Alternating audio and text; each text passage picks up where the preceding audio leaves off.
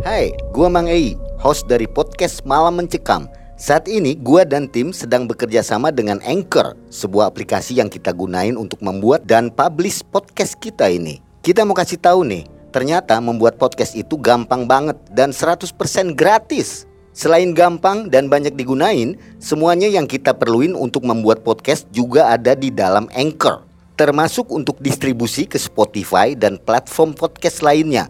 Yuk segera download aplikasi Anchor dan bikin podcast kamu segera. Assalamualaikum warahmatullahi wabarakatuh Sobat Malam Mencekam sekalian Apa kabarnya?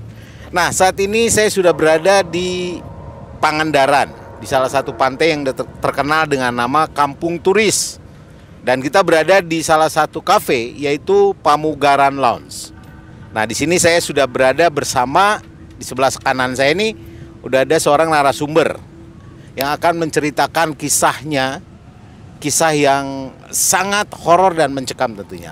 Oke, kita langsung dengan Kang Boboy. Kang Boboy, assalamualaikum. Waalaikumsalam Gimana Kang. Boboy? Apa kabar? Alhamdulillah. Alhamdulillah ya. Kang Boboy kegiatan apa nih? Kang Boboy sehari harinya Kang Boboy Kalau kegiatan sehari-hari musik ya. di seni ya. Seni. ya?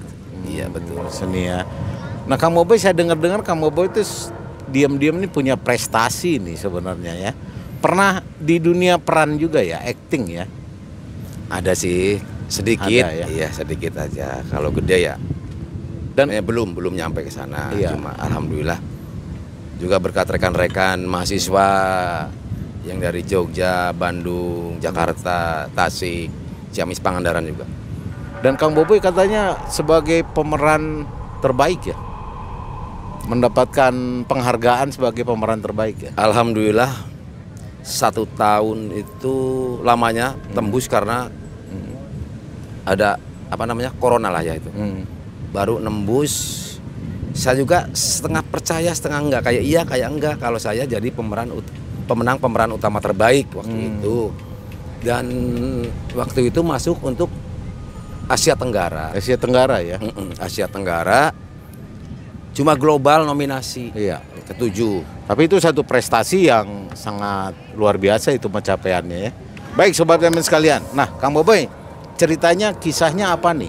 Benang merahnya yang akan diceritakan di untuk sobat MM sekalian. Saya punya cerita sedikit agak lucu tapi juga menegangkan. Lucu dan menegangkan. Iya. Saya ketemu rekan lah ya. Kebetulan satu profesi waktu itu nyari yang namanya apa namanya itu? Yang kecil kayak gini? Hmm. Bully, bully, Buli-buli. bully-bully. Untuk apa itu? katanya sih katanya nih ya katanya mitosnya tahu enggak tahu iya asihan Oh, jadi proses mencari batu buli-buli itu pengasihan. katanya sih Heeh. Oke, nanti jangan diceritain dulu nih. Iya, nanti iya. ceritanya kita akan berlanjut nanti mulai dari awalnya seperti apa ya. Iya. Sobat MM, ini ceritanya akan seru. Jadi Anda jangan ke mana-mana, tetap di channel Malam Mencekam. Sesaat lagi kita akan kembali.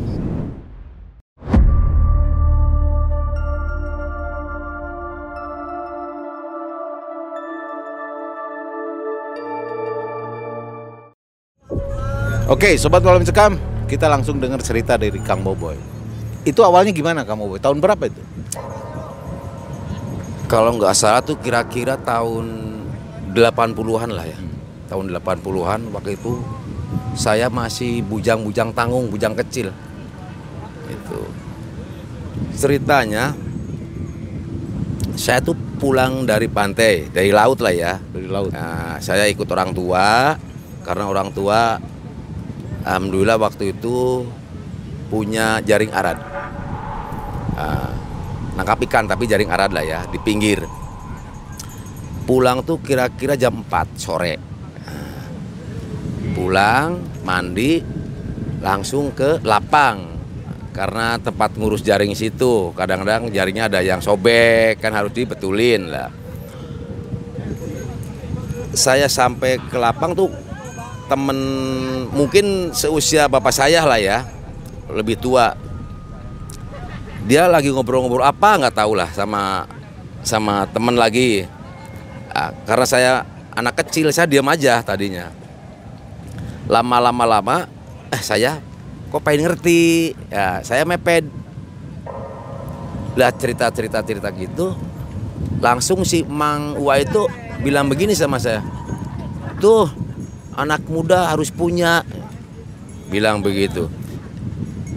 Saya kan bingung waktu kecil tuh ya. Iya. kok harus punya apa? Gitu. punya apa sih mang? Ya punya asihan. Oh, asihan tuh apa? Kan gitu saya belum tahu waktu itu. Ceritanya yang namanya asihan tuh yang paling bagus katanya buli-buli saya sendiri belum tahu yang namanya buli-buli kayak apa. Nggak nggak tahu lah dunia-dunia kayak gitu ya. Iya. Hmm, kurang tahu. Pas pulang eh, sudah rampung bersihin jaring saya pulang ngobrol-ngobrol lagi di rumah. Mau apa enggak kamu? Kalau mau akan saya anterin. Tempatnya di mana mang? Saya bilang begitu. Tempatnya di cagar alam kata si mang serem nggak mang ya enggak lah nggak serem kata dia karena dia mah kar- mungkin sudah terbiasa Iya. Habis maghrib saya dianterin pakai sepeda. Dia naik sepeda, saya naik sepeda. mang, nyampe cagar alam. Mang ke mana mang? Ya masuk ke dalam. Duh, sama emang ya enggak sendirian bilang begitu. Lah habis begitu, loh, kok mang di sini? Ya ini mah serem mang. Ini gua parat. Kalau dulu gua parat, sekarang gua keramat lah ya. Saya ditaruh di bawah pohon besar. Yang ada buahnya bulat-bulat gak tau lah pohon apa itu. Yang katanya sih banyak getahnya. Ya saya disuruh duduk di situ. Kebetulan saya bawa tikar kecil. Suruh duduk di situ menghadap ke gua yang serem mulut gua tuh serem setelah dia nggak tahu lah coba capek apa dia pamit sama saya Selamat ya. Mamang pulang. Oh iya, Mang. Mungkin baru 7 10 lengkah. Saya nengok ke belakang gini. Kayak pengen ikut pulang saya. Takut. Asli takut. Tapi ah saya pengen tahu nih. Pengalaman juga nih. Semakin lama kira-kira jam sembilanan lah. Mungkin jam 9 itu suara-suara apa itu ya? Kayak jangkrik apa kan tambah rame. Nah, tambah rame. Itu perasaan sudah semakin nggak enak ini. Bulu kuduk sudah semakin apa namanya? Berdiri. Iya berdiri. Udah dari situ saya pengen lari. Rasanya pengen lari. Tapi wah percuma kalau saya lari percuma nih. Capek-capek nih. Lah habis itu mungkin jam setengah sebelas tambah nggak enak lagi perasaan. Tambah kenceng kayak suara. Nah di situ tiba-tiba ini suara apa ini? Sampai saya begini saya nggak mau lihat nggak mau lihat saya. Serem saya begini nunduk. Kayak kayak ada angin gede. Wish kayak puting beliung. Saya bertahan begini takut saya kabur kena angin. Nggak lama paling dua menitan satu menit itu angin. Reda lagi. Lah saya mepet ke pohon gede itu. Apa iya apa enggak? Sambil saya megangin apa namanya kain yang segini dan suruh bawa kain putih itu. Katanya nanti buli-buli itu akan jatuh ke situ saya sambil meraba-raba karena nggak bawa senter cari batu. Buat kain itu supaya jangan kabur kena angin. Nah, semakin malam lagi mungkin jam 11 lewat lah. Itu sudah ada suara bunyi-bunyi kayak apa ada orang ketawa lah ya. Semakin kencang saya itu nggak sadar saya juga merangkul pohon itu. Gini lari jangan lari jangan lari jangan. Nah hilang suara itu kayaknya ada di sebelah kanan loh tadinya. Yang ketawa-ketawa gitu ya. Kok datang lagi kayak angin lagi? Apalagi ini? Saya merem sampai nggak mau lihat lah. Tapi nggak tahu setingginya berapa itu tegang sekali saya. Sampai saya hampir-hampir ketidur lah. Ini muka muka saya hampir sampai tanah nggak mau lihat. Pas saya ngangkat kepala sedikit sedikit sedikit nggak tahu tingginya seberapa itu. Cuma kelihatan betisnya aja. Wah, ini apa ini? Dalam hati ini apa ini? Ini apa ini? Saya merem lagi. Lihat lagi masih ada. Merem lagi melek lagi.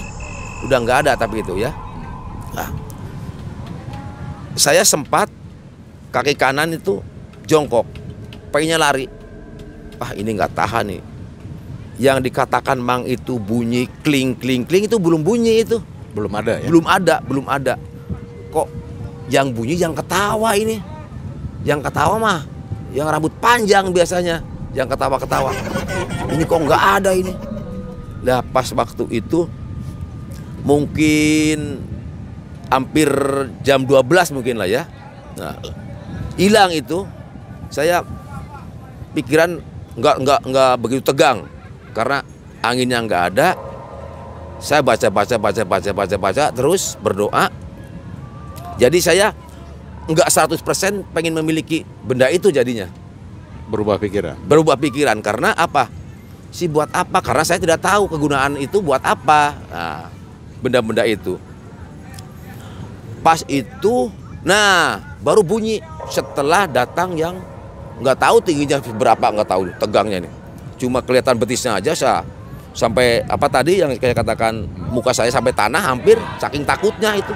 Saking takutnya serem. Anginnya gede baru bunyi itu dari sebelah kanan. Kata emang itu kalau bunyinya serak itu galak. Tapi kalau bunyinya bening itu bisa. Karena saya ragu jadi sudah tidak mengharap kayaknya ya eh, memiliki benda itu. Waktu itu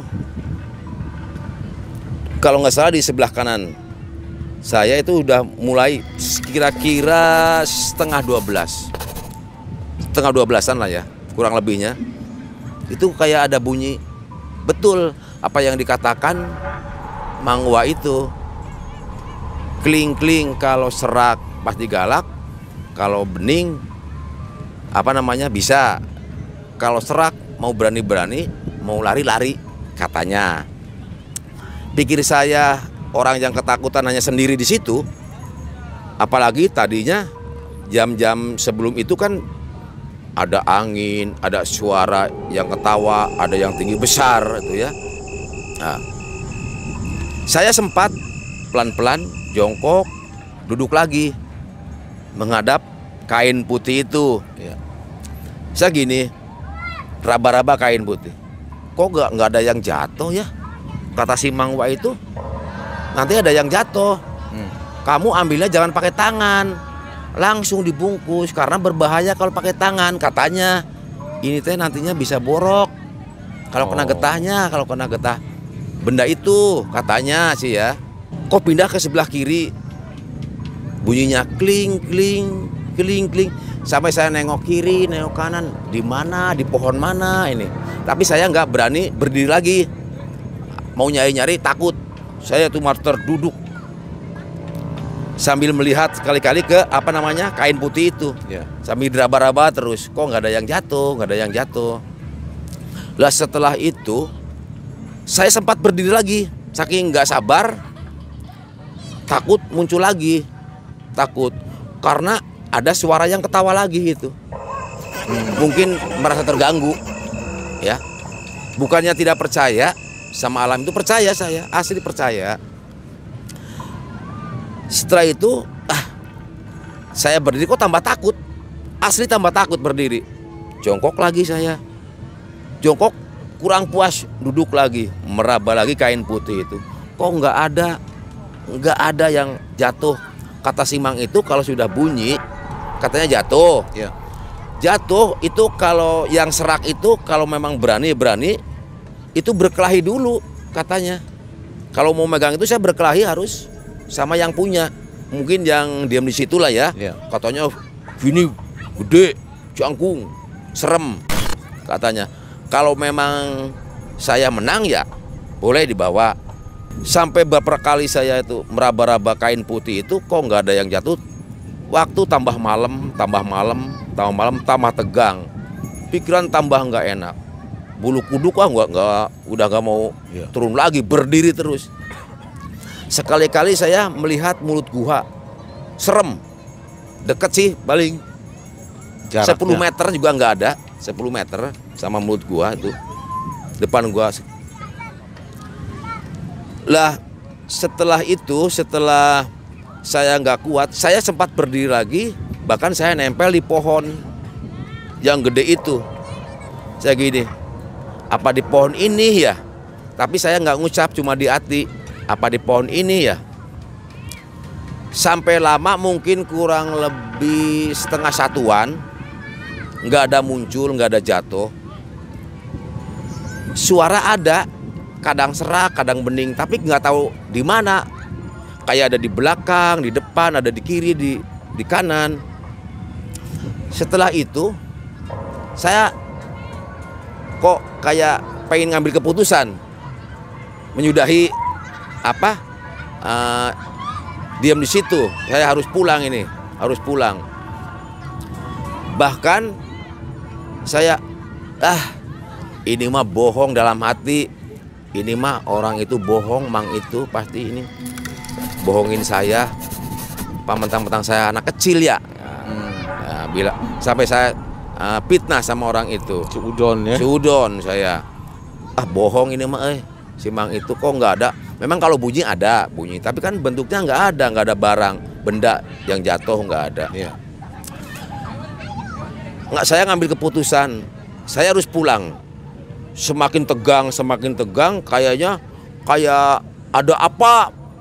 Kayak ada yang ya tadi kayak datang lagi yang tinggi besar, tapi saya nggak berani nengok ke atas. Hmm. nggak berani karena di depan mata aja saya duduk itu bitis udah tingginya seberapa tingginya mungkin sepohon kelapa Wah, saya nggak berani itu setelah mungkin beberapa menit detik saya merem kedua kalinya merem ini saya nggak nggak berani melihat nih. Kalau dicubit ini darahnya kayaknya nggak ada ini. Saya memutuskan harus pulang waktu itu. Saya pulangnya setengah lari. Di jalan waktu itu masih jalannya batu-batu kayak gitu ya. Jatuh namanya jatuh. Saya meng- mengarah ke pintu untuk ambil sepeda. Yang namanya jatuh itu lebih dari 10 kali saya itu ini masih ada bukti saya. Singkat cerita di tengah perjalanan belum sampai sepeda saya udah terduduk. Sakit. Lutut saya sakit. Karena kena batu ini. Asli kena batu. Dari sepeda ke gua itu kurang lebih 200 meteran ada. Setelah saya nyampe sepeda nggak langsung pegang sepeda. Saya terduduk kesakitan di situ Hmm. asli kesakitan Akibat jatuh itu ya. Iya, karena akibat jatuh, kesakitan. Saya pegang sepeda, 10 meter berhenti. Diem lagi, sambil, sambil mijitin ini lutut. Pas TPI tempat pelelangan ikan, di situ agak terang sedikit ya, ada patromak kalau zaman dulu itu. Saya berhenti agak lama, tapi nggak ada orang satupun. Karena kesakitan, sambil kayak nelangsa lah saya. Kok saya dibohongin ya eh sama mang itu? Saya dibohongin. Sampai rumah tuh lama sekali. 10 meter berhenti. 10 meter berhenti saya. Berjalan yang agak lama apa namanya terduduk saya depan rumah. Belum masuk ke rumah masih di jalan. Iya. Nah, saya terduduk lama sekali di situ.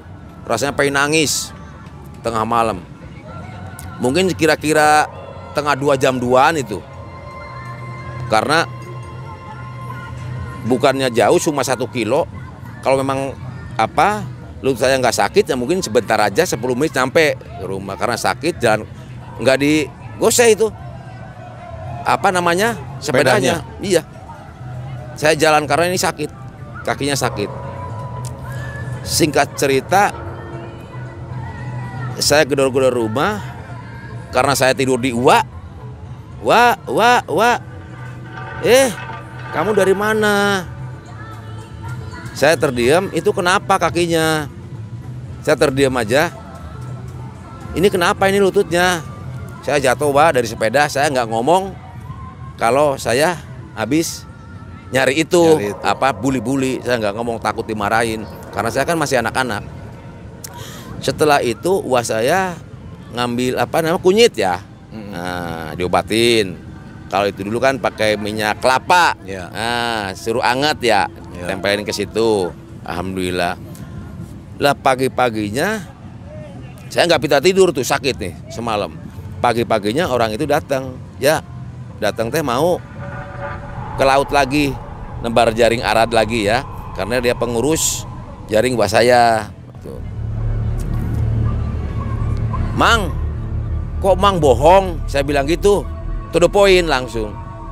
Bohong gue mah. Nih buktinya lutut saya sampai begini, Mang. Itu kenapa? Saya lari, Mang.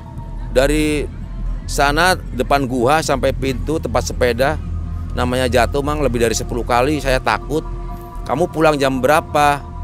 Tahu jam 12, tahu jam tengah satu, Mang. Keluar dari sana. Tapi sampai rumah saya sampai jam, hampir jam 2, Mang. Saya nggak digoseh sepedanya karena sakit, Mang. Mang jangan bohong, Mang, sama anak kecil, Mang. Hmm. Bener. Kalau nggak percaya, yuk besok lagi ke sana. Kata dia. Hmm. Loh, enggak lah saya mah nggak mau, Mang. Kalau ke sana sama Mang ya hayu, ya jangan sendirian. Loh, kami saya kemarin sendirian, kenapa nggak dikasih yang namanya bully-bully? Saya belum tahu, Mang. Saya anak kecil. Buat apa sih sebenarnya itu? Saya bilang begitu. Itu asihan. Asihan tuh apa, Mang? Nggak ngerti ASEAN Saya nggak ngerti eh, ASEAN tuh apa. Buat pelet, pelet, pelet kata kalau buat pelet perempuan supaya kamu tuh banyak disenengin. Ah, mang, saya mah masih muda, nggak pakai yang gituan juga. Banyak yang seneng sama saya. Saya bilang begitu. Ah, ya tapi kan kalau punya gitu mah tambah lah enggak, enggak mang. Saya dari dulu nggak pernah ini baru ini mang.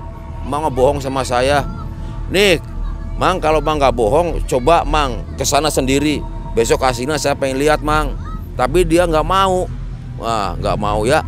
Situ agak agak kenceng-kenceng ngomongnya saya, Ya. agak emosi karena ini sakit. Lutut saya sakit nih Mang, kalau nggak percaya nih lutut saya nih Mang nih. Korban apa namanya Mang bully-bully. Mana hasilnya Mang? Lawannya banyak ini Mang, lawannya nih di saku masih nih. Tuh, Kainnya. Iya, kainnya itu kain putihnya ditidin batu, tahu kabur. Yang datang apa? Angin. Terus ada suara yang ketawa, terus ada yang tinggi besar, Mang. Itu. Kamu gimana? Saya tertunduk, Mang, gini, nggak mau melihat, merem mata saya. Saya udah berdiri, Mang, mau lari, tapi saya, oh, kalau pulang saya percuma ini. Sia-sia. Iya. Saya pengalaman, Mang, pengen punya pengalaman, tapi nyatanya nggak berhasil, Mang. Wah, mungkin belum waktu. Ya kalau bilang begitu belum waktunya gampang, Mang itu, Mamang. Hmm. Mang waktu masrahin saya, Mang komat kamit apa itu? Menghadap ke guha, saya bilang Ya. begitu. Ya masrahin, nitipin supaya kamu tuh selamat. Selamat gimana buktinya saya jatuh. Ini lari. Hmm. Kok lari-lari segala kenapa sih? Kan saya takut, Mang, sendirian.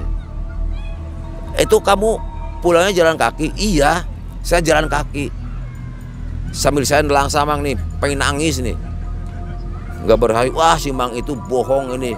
Ngibulin saya, bohongin saya. Ternyata Mang itu juga nggak mau.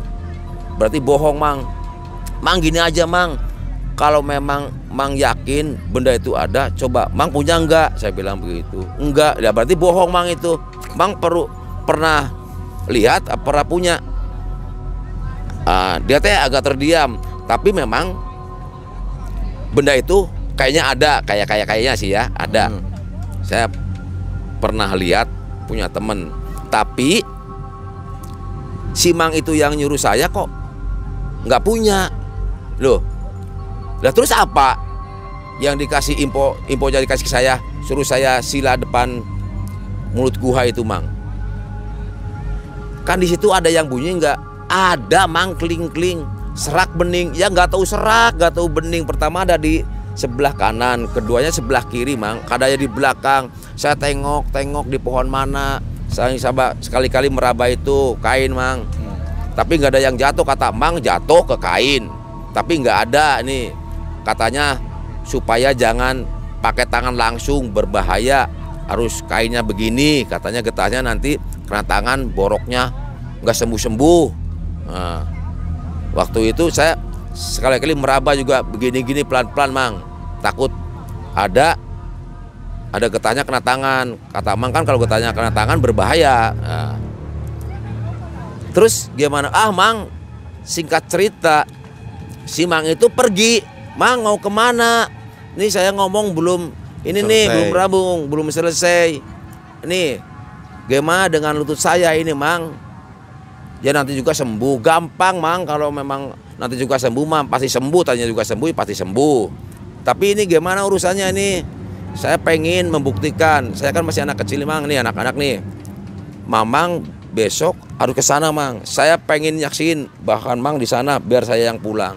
Saya sakit mau memaksakan. Lihat mang di depan mulut gua. Dan saya pengen tahu hasilnya itu bagaimana memang berhasil. Dan juga saya maaf maaf mau kontrol nih. Saku-saku mamang barangkali mamang bawa dari rumah nih.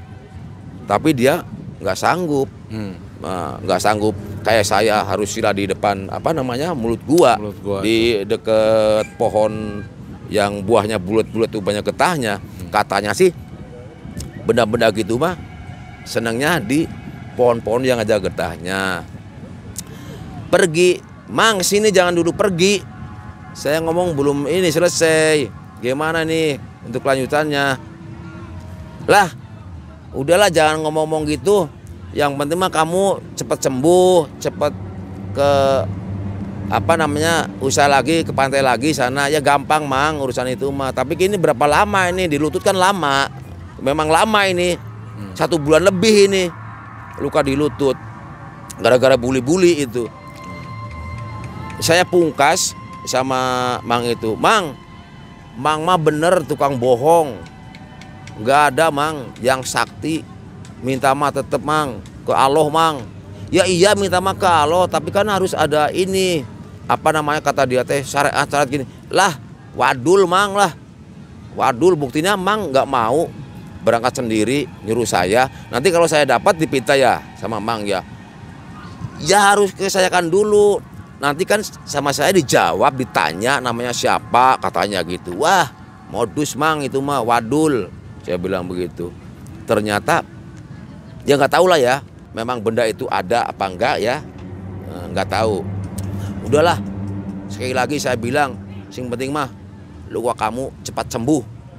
Cuma bilang gitu aja tiga kali yang penting cepat sembuh cepat bisa kerja lagi kata dia sih. Alhamdulillah dia support gitu ya mendukung doanya alhamdulillah satu bulan sembuh itu itu disuruh lagi ke sana lagi saya ayo tapi sama Mang bareng nggak mau dia si Mang itu harus saya sendiri wadul Mang tetap Oke, nah Kang Boboy, ya. itu kembali yang saya mau tanya ini.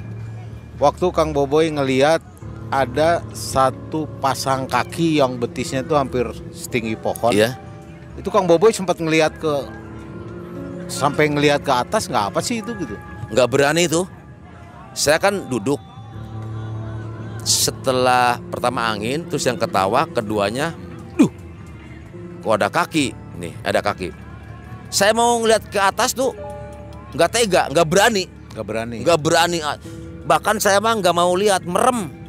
Merem asli gini nggak mau lihat. Saya melek sedikit ih kayak masih ada kayak masih ada nih merem lagi melek lagi nggak ada itu betisnya lututnya nggak tahu di mana itu Tinggi Lututnya. berarti.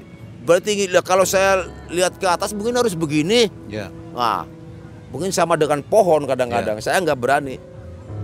Saya itu mukanya sampai mau ke tanah nih, gini. Saking takutnya. Oh tengkorup ya. Iya. Paling satu meter dengan saya itu Jaraknya. kaki. Iya. Saya nggak berani saya. Asli nggak berani itu. Nah kalau suara suara yang suara ketawa-ketawa itu itu seperti apa? Suara kuntilanak atau Kayaknya. Kayaknya sih itu kayaknya. Tapi dia nggak nampak. Cuma hi hi hi mondar mandir aja itu. Saya sampai merep gini lagi. Wah ini bahaya, ini bahaya. Saya sempat bilang begitu. Ini bahaya, ini bahaya. Merem melek. Ih tapi kok nggak bunyi lagi? Ya Hilang. Hilang. Ya saya silap jep. Ketawa lagi. Kayak di persis di atas kepala. Ih, saya nggak berani gini. Katanya nih, yang lihat gitu, katanya kan di pohon katanya suka apa? Uncang angge? Ah, apa ucang sih? angge. Wah, kakinya. gitu ya kakinya iya, ya. katanya. Maka saya nggak berani lihat itu. Saya malah menunduk gini. Kayak di atas kepala persis, nggak tahu jarak sejengkal, nggak tahu jarak berapa meter, nggak tahu. Hmm. Tapi kayaknya deket sekali, keras itu suaranya itu. Takut sudah pasti, ya, pengen lari. Tapi kan saya terdorong dengan penasaran, pengen lihat yang namanya buli-buli tadinya Hmm. pengen lihat hasil sendiri apa iya apa enggak karena yang nyuruh tuh orang tua orang berpengalaman Dan ternyata nggak ada Ah, ya. Punya pengalaman spiritual lah ya Iya. Ah, dia. Maka saya percaya saya.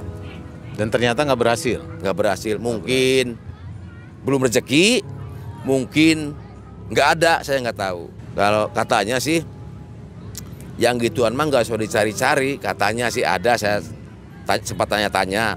Jangan dicari-cari susah. Kalau sudah rezeki ya datang sendiri katanya. Katanya sih rezeki. Itu pun izin Allah. Ya. Itu pun kira-kira nggak kita mampu nggak bawanya nih Ya, ya. kalau nggak mampu ya jadi angkara murka Nggak jodoh lah. Enggak jodoh, tetap yang nyaman, nyantai, adem ya. Ambil yang positif, buang yang negatif. Oke sobat MM, terima kasih saya Yudi dan tim Malam Mencekam juga Kang Boboy. Kami pamit. Assalamualaikum warahmatullahi wabarakatuh.